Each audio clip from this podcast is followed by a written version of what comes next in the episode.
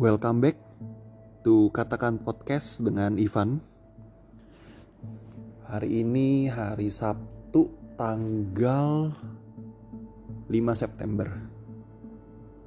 Episode ke 4 eh 3. Eh berapa sih? Ya 3 kalau nggak 4. Sebelum bikin podcast gue lupa nggak ngecek episode terakhir itu angkanya berapa. Gue mau cerita tentang fase fase kehidupan. Kemarin temen gue nikah.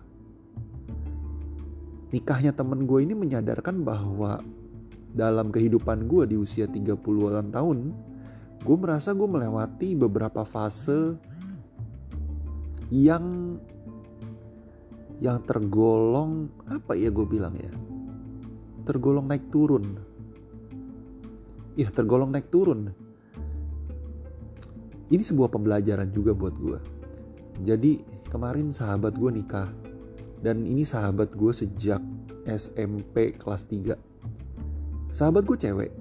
Jadi kalau buat lu orang-orang yang sering berpikir bahwa laki dan perempuan tuh gak bisa sahabatan gak juga sih. Banyak yang berpikir bahwa laki dan perempuan tuh gak bisa sahabatan karena salah satu akan saling cinta ada rasa-rasa suka, naksir. Gak juga sebetulnya. Gue dengan sahabat gue yang cewek ini gak pernah gak pernah ada rasa suka.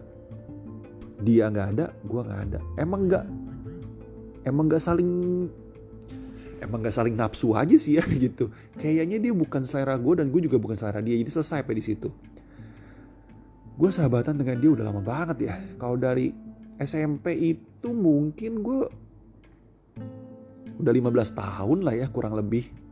15 tahun lebih lah sebetulnya sih.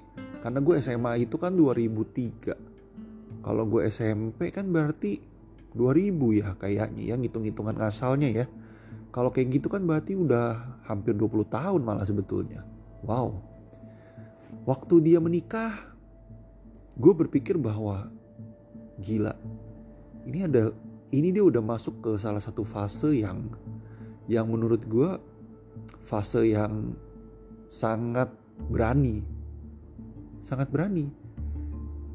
Bandel-bandelnya dia itu kayak gue gue nggak mau nggak nggak bisa bilang bandelan siapa sih tapi ya dia dia suka bertualang gue juga dan di hadapan di hadapan gue orang ini adalah orang yang bisa megang komitmen tapi bukan untuk menikah gitu beda ya jadinya kok. Bisa megang komitmen tapi bukan untuk menikah. Sama kayak gue gue juga orang yang kaget gitu. Kalau kalau gue berhadapan dengan sebuah pernikahan tuh gue kaget. Kayak kayak kayak shock gitu.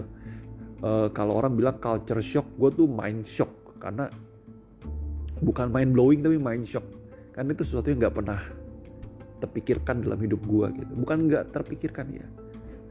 Terpikirkan sih sekali-sekali tapi bukan tujuan atau gue nggak menganggap nikah itu pencapaian anyway lewati dulu soal itu kok jadi ke soal pernikahan ngalor ngidul maksud gue gini ketika dia menikah dan gue menyadari bahwa sahabat gue ini udah menikah dan mengambil satu buah langkah untuk maju ke fase berikutnya gue bertanya fase gue akan sampai mana ya saat ini gue udah sampai di fase yang seperti apa.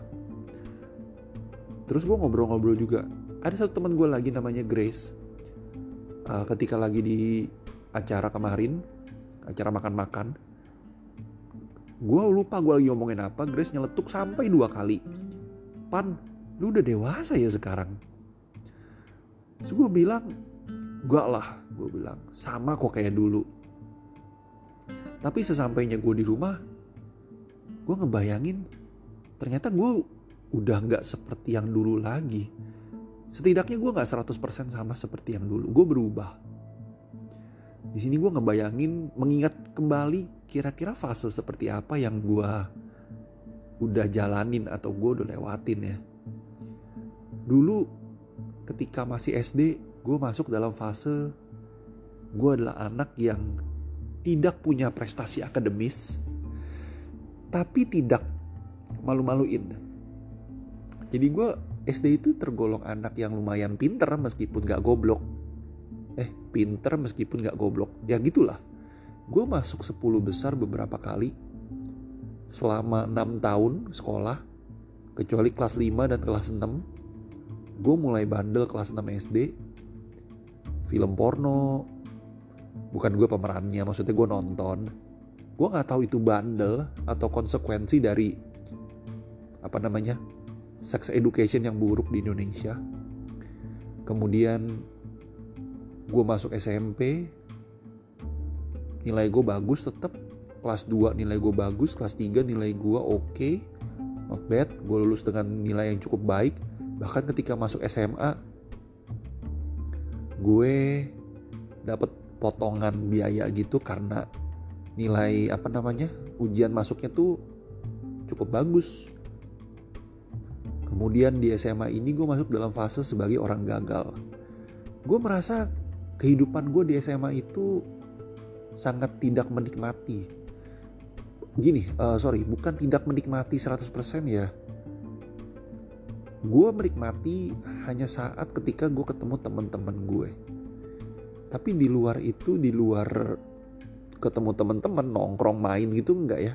Di luar itu tuh gue nggak menikmati. Gue nggak menikmati proses belajar di SMA. Karena gue selalu berpikir apa yang gue pelajari saat itu nggak kayaknya nggak kepake gitu. Gue nggak punya gue sejak sejak sejak SMA ya gue nggak tahu ya orang-orang kayak gimana ya atau anak zaman sekarang tuh gimana. Gue sejak SMA tuh gue belum punya passion gue belum punya biasa orang suka bilang kan cari passion kamu apa segala macem.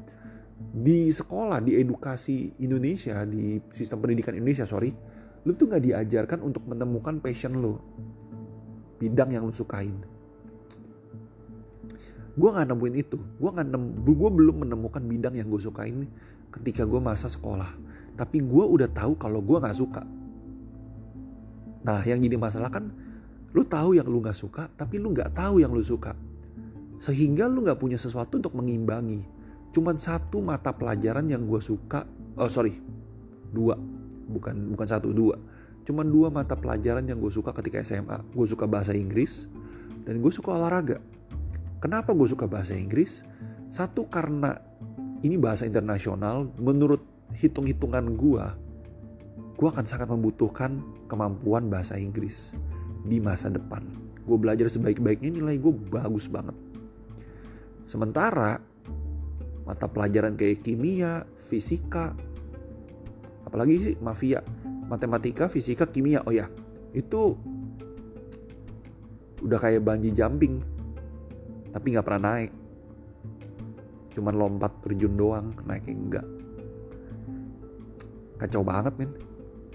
SMA tuh gue gagal banget gitu gue merasa. Gue gini gue bukan tipikal orang yang pengen ngebahagiain orang tua. Karena menurut gue orang itu nggak bisa bahagia sih nggak maksud gue gini orang itu punya caranya sendiri untuk bahagia jadi kalau lu berpikir lu bisa bahagiain orang tua lu tapi orang tua lu berpikir bahwa itu tidak membahagiakan, artinya ada dua versi bahagia yang berbeda, nggak ngaruh. Mereka nggak bahagia juga. Jadi gue nggak pernah berpikir bahwa nilai gue harus bagus supaya gue bisa membahagiakan orang tua gue. Enggak, gue cuma berpikir nilai gue harus bagus karena orang tua gue udah membiayain gue. Which is itu gagal sih pada akhirnya. Gak tercapai sih itu. Gue kalau punya pilihan untuk kerja atau nyari duit tanpa harus sekolah gue mungkin gue lakukan itu sih. Gue lakukan itu gue nggak ngapain gue kerja anjing? Eh sorry ngapain gue sekolah gitu? Karena gue nggak menikmati sih. Tapi gue tahu sekolah tuh penting. Sekolah tuh penting untuk ngebangun relasi ngebangun jaringan pertemanan. Itu penting sih.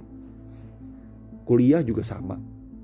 Nah Iya gue merasa di fase gue ketika sekolah itu Gue merasa fase SMA itu adalah fase paling gagal dalam hidup gue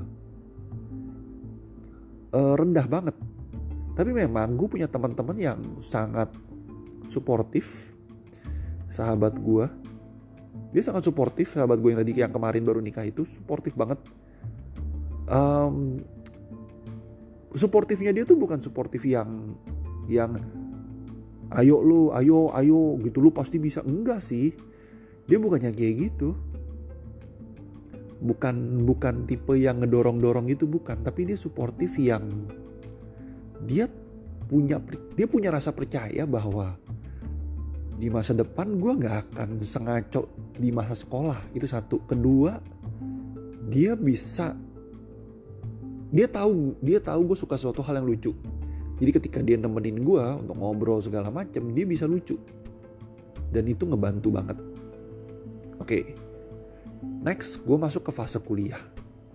Fase kuliah ini um, fase kuliah ini merupakan fase yang berbeda. Gue karena gue gini gue merasa ini adalah fase di luar sekolah gue gue udah gak ketemu anak-anak sekolah gue lagi kecuali sahabat gue dan gue berpikir ini adalah fase gue untuk rebranding. Iya bener. Fase untuk rebranding. Pada satu titik dalam kehidupan lu lu tuh harus rebranding. Lu harus mengganti citra lu. Dan kuliah adalah fase ini. Fase yang gue bilang paling tepat untuk gue rebranding. Fase paling tepat buat rebranding. Gue ketemu orang-orang baru ya gue ketemu temen-temen sekolah gue juga yang kebetulan kuliahnya bareng tapi beda beda jurusan dan juga beda kelas jadi gue rebranding tetap lancar lah gitu kecuali di depan mata dia rebranding gue nggak lancar tapi di luar itu gue lancar kuliah gue lalui dengan cukup baik lah. Menurut gue ya, menurut gue cukup baik. Gue bukan tipikal orang yang mengejar edukasi, eh sorry, mengejar akademis. Nilai akademis tuh bukan. Buat gue asalkan lu bisa bertahan hidup dari akademis, lu aman.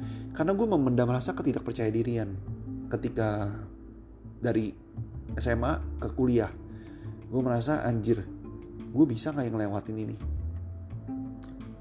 Tanpa gue sadarin, tanpa gue sadarin gue udah udah di masa kuliah ini tanpa gue sadarin ya gue masih nggak pede gitu tapi tanpa gue sadari ternyata tanpa gue sadarin ternyata gue udah memilih satu fase yang bagus banget. Oh satu fase sih. Satu pilihan. Gue ngambil jurusan komunikasi di London School of Public Relations LSPR uh, gue ngambil advertising satu buah jurusan yang memang ternyata gue suka dengan dunianya. Jadi gue lulus kuliah dengan nilai cukup baik lah menurut pengamatan gue nilainya nggak jelek. Tapi nggak bagus-bagus amat juga. Nilai nanggung gue bilang. Kenapa nanggung? Karena angkanya 2,99 itu kalau lu jadi HRD lu bikin peraturan nerima cuma dengan IPK 3,00 lu ngelihat CV dengan tulisan 2,99 lu tuh bingung. Kalau gue ngikutin peraturan gue buang kalau gue ngikutin hati nurani gue ambil. Wawancara tuh panggil. Gitu. Pasti begitu. Kalau lu nilai itu 2,95 2,98 2,99 lu sebagai HRD tuh bingung. Kalau gue ikutin peraturan ini gue buang gue bakar. Tapi kalau gue dengan hati nurani, ini gue ambil. gitu. Di fase kuliah ini gue menemukan citra diri gue yang baru. Ya gue tetap ada bandel-bandel juga lah, tapi beda. Gitu. Fase kuliah merupakan titik balik dalam hidup gue. Gue belajar banyak hal yang baru banget yang gak pernah gue temuin ketika gue kuliah dan gue sangat seneng gue sangat-sangat menikmati satu hal yang paling gue nikmati adalah fase organisasi gue belajar bergabung dalam organisasi. Gue belajar manage keuangan gue belajar manage tim gue belajar ngebikin sebuah acara gue belajar ngelola acara ngurusin acara. Dan yang paling penting gue belajar agama.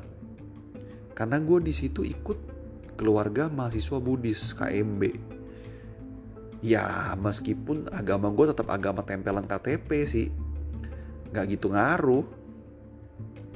Nggak gitu ngaruh juga tetap bandel juga dan jarang ke rumah ibadah juga. Akhirnya ketika itu ketika gue merasa anjir ini titik titik inilah titik balik gue gue pun menjalani hidup dengan lebih semangat. Gue lebih semangat.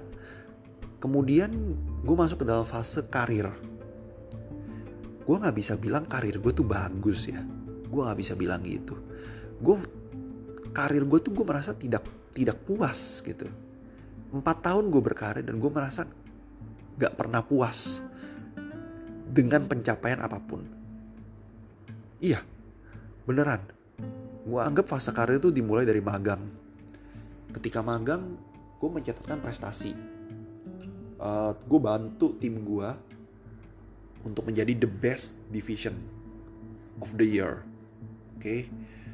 uh, gue antara bangga dan gak bangga karena gue masuk itu di pertengahan tahun. Artinya gue hanya ngebantu sisa 50% perjalanan ya tapi gue ada kontribusi lah nah kemudian setelah itu gue lulus kuliah lulus kuliah gue kerja di salah satu retail IT uh, retail IT online gitu di Indonesia ya gue merasa pencapaian karir gue oke oke aja sih gue bilang gini pencapaian karir gue itu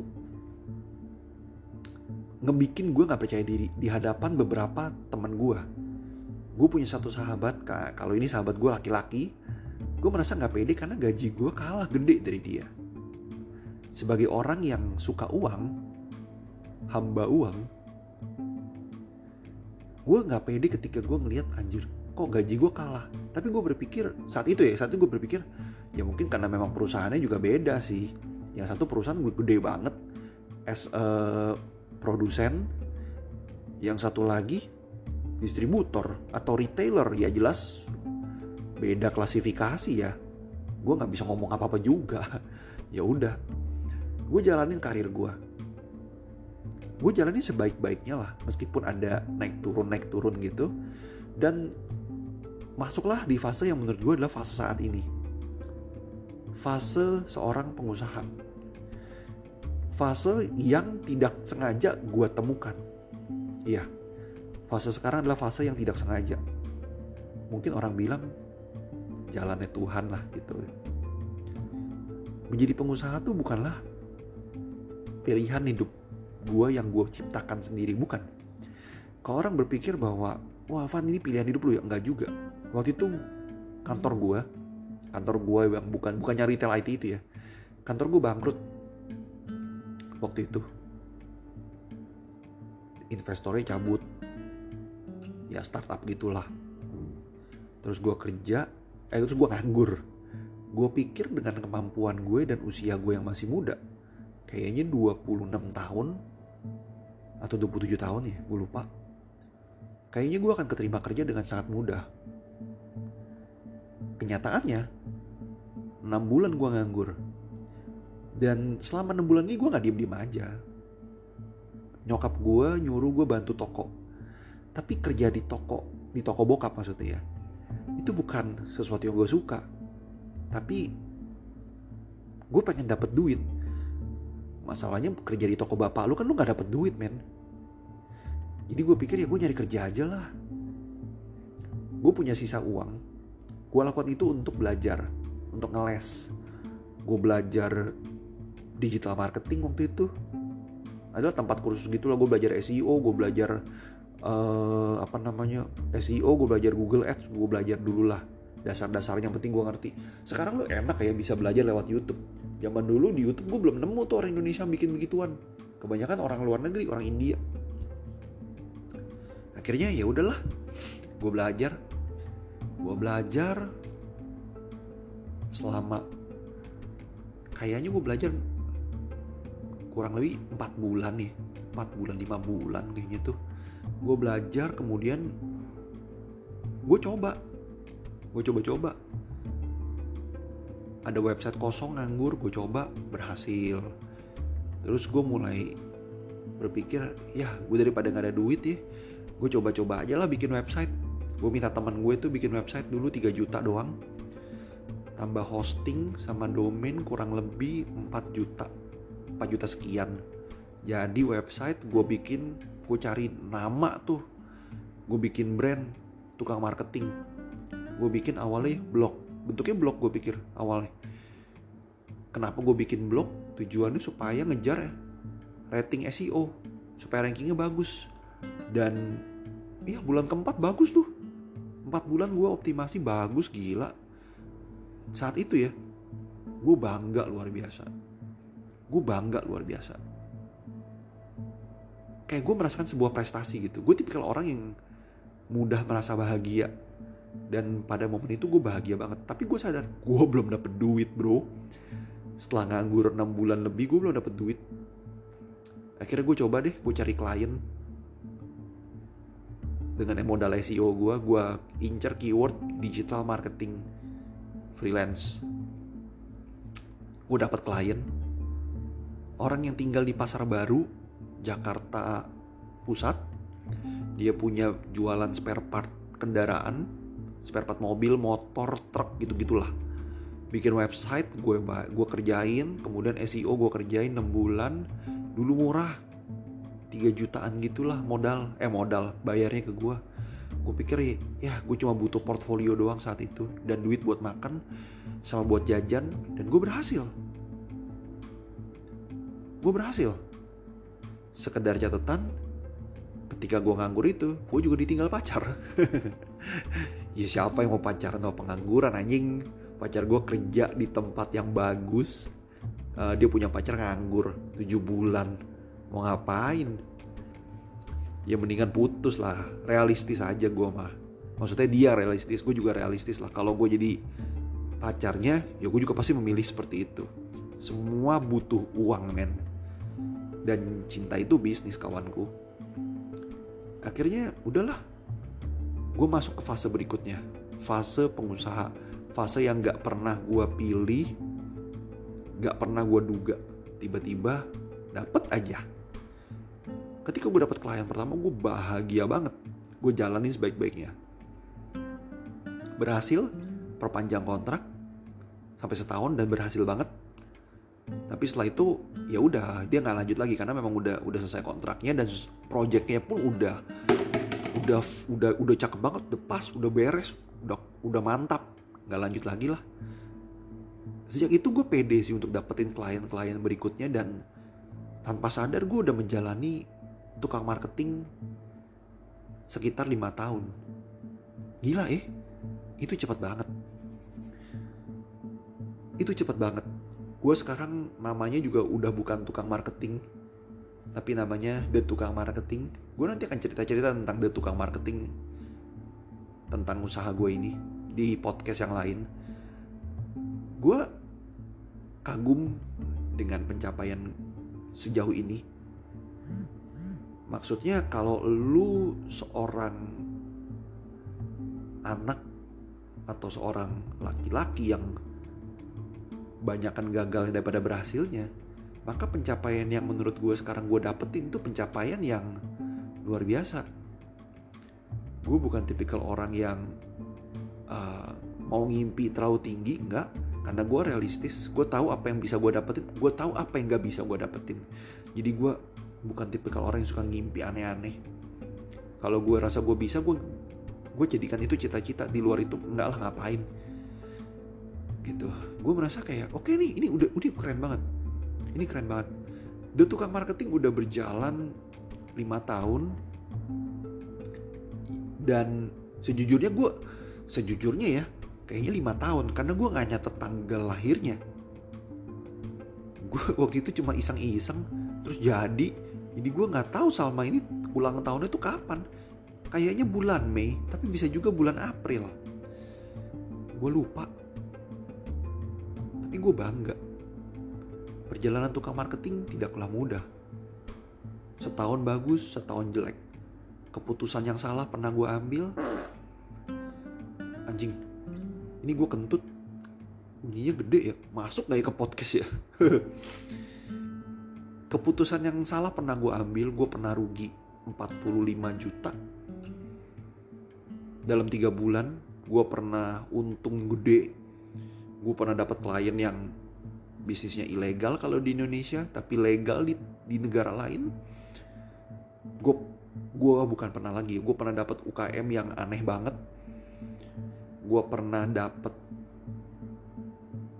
brand gede banget. Yang sampai gue bahkan nggak percaya baru kali ini bukan sorry bukan kali ini baru kali itu ya. Saking dapat saking dapatnya klien yang brandnya gede nama besar gue sampai nggak bisa tidur. Bukan karena kerja kan excited. Karena gue sebelumnya kan dapat kayak ya UKM UKM gitulah pas di awal-awal ya. Bukan awal tahun sih kayak awal-awal awal-awal bulan mungkin. Jadi kayak tahun pertama gue dapet yang kecil-kecil pas tahun kedua SEO gue makin bagus dan gue dapet brand gede tuh gue kayak wow wow wow wow gitu. Kayak bangga tapi bingung. Kayak bangga tapi bingung. Sampai-sampai gue nyebut harga aja tuh bingung. Gue mau nyebut harga mahal tapi gue takut ditolak. Gue kayak gue gue tuh kayak belum pede dengan brand gue dulu. Karena tiba-tiba ada satu buah perusahaan gede jadi gue kayak belum pede. Gue mau nyebut angka berapa. Dan di tahun itu tuh di tahun awal tukang marketing tuh tidak ada patokan. Belum ada kompetitor yang berbentuk perusahaan. Jadi kayak anjir kalau gue nyebut harga tuh nyebutnya berapa? Itu yang gue bingung. Gitu. gue nggak tahu fase apa lagi akan gue hadapi setelah ini. Gue akan lompat ke fase apa. Tapi gue nggak akan meninggalkan tukang marketing. Gue akan berusaha tetap menjadi tetap bukan tetap menjadi ya. Gue akan berusaha tetap mempunyai apa yang gue dulu punya. Kelucuan gue pede gue lucu. Setidaknya setidaknya ya. Setidaknya teman-teman tongkrongan gue merasa gue lucu. Jadi gue cukup pede sih kalau gue bilang gue lucu. Gue suka ngelawak. Gue suka bercanda. Menurut gue pada posisi sekarang bercanda tuh kayak makin berat. Bukan apa-apa, bukan bukan karena orang gampang tersinggung, tapi karena tekanan hidup makin besar kawan. Jadi kayak momen-momen gue bisa ketemu teman-teman gue kemudian bercanda tuh kayak momen yang relief banget gitu, melegakan. Podcast ini serius ya hari ini ya. Gue belum tahu sih berikutnya fasenya akan seperti apa. Um, gue gue mungkin akan menjalani dengan baik. Mungkin juga tidak. Mungkin juga sedang-sedang aja. Tapi satu hal yang selalu gue tahu dan gue tanamkan adalah setiap fase dalam hidup lu. Saat ini ya saat ini ya saat ini yang gue yang gue dapatkan ya. Setiap fase dalam hidup lu adalah sebuah cara untuk belajar. Iya cara untuk belajar. Caranya beda-beda karena setiap fase hidup lu akan berbeda. Ketika lu jadi anak sekolah, ketika lu kuliah, dan ketika lu menjadi pekerja, ketika lu juga menjadi pengusaha, lu punya fase hidup yang berbeda-beda dengan cara belajar yang berbeda-beda juga. Tidak ada hasil yang terlalu buruk, tapi juga nggak ada hasil yang terlalu baik. Gue gak pernah merasa puas dengan pencapaian apa pun, tapi gue bersyukur. Sejauh ini gue punya apa, sejauh ini gue kehilangan apa. Gue bersyukur. Karena setelah dipikir-pikir, setelah lu mengenal apa yang namanya waktu, ya sesuatu yang disebut waktu, segala yang pernah kehilangan, segala pernah hal yang pernah, eh apa sih ngomong apa sih? Segala hal yang lu pernah kehilangan, pada akhirnya memang itu sesuatu yang baik buat lu. Artinya, ketika hal tersebut hilang, itu gak menimbulkan dampak yang buruk pada lu di masa depan. Lu hanya merasa brengsek, gue kehilangan nih gitu. Tapi itu hanya di masa fase-fase awal. Dua tahun, 20 tahun kemudian, lu akan merasa bahwa itu adalah fase pembelajaran untuk kehilangan sesuatu dan untuk mendapatkan sesuatu yang baru dan mungkin lebih baik. Semoga aja fase hidup gue yang berikutnya bisa ngebuat gue lebih pinter dan yang penting lebih bijak karena gue merasa kayaknya gue kurang bijak tapi ya udahlah namanya juga belajar. Kan hidup kayak gitu ya kira-kira. Sampai jumpa di podcast episode berikutnya. Kayaknya gue mau ngebahas tentang Manchester United deh. Gue sebagai seorang fans MU nih masa belum taruh mereka di podcast? Ya podcast berikutnya tentang United lah. Sampai jumpa di podcast berikutnya. Selamat malam. Bye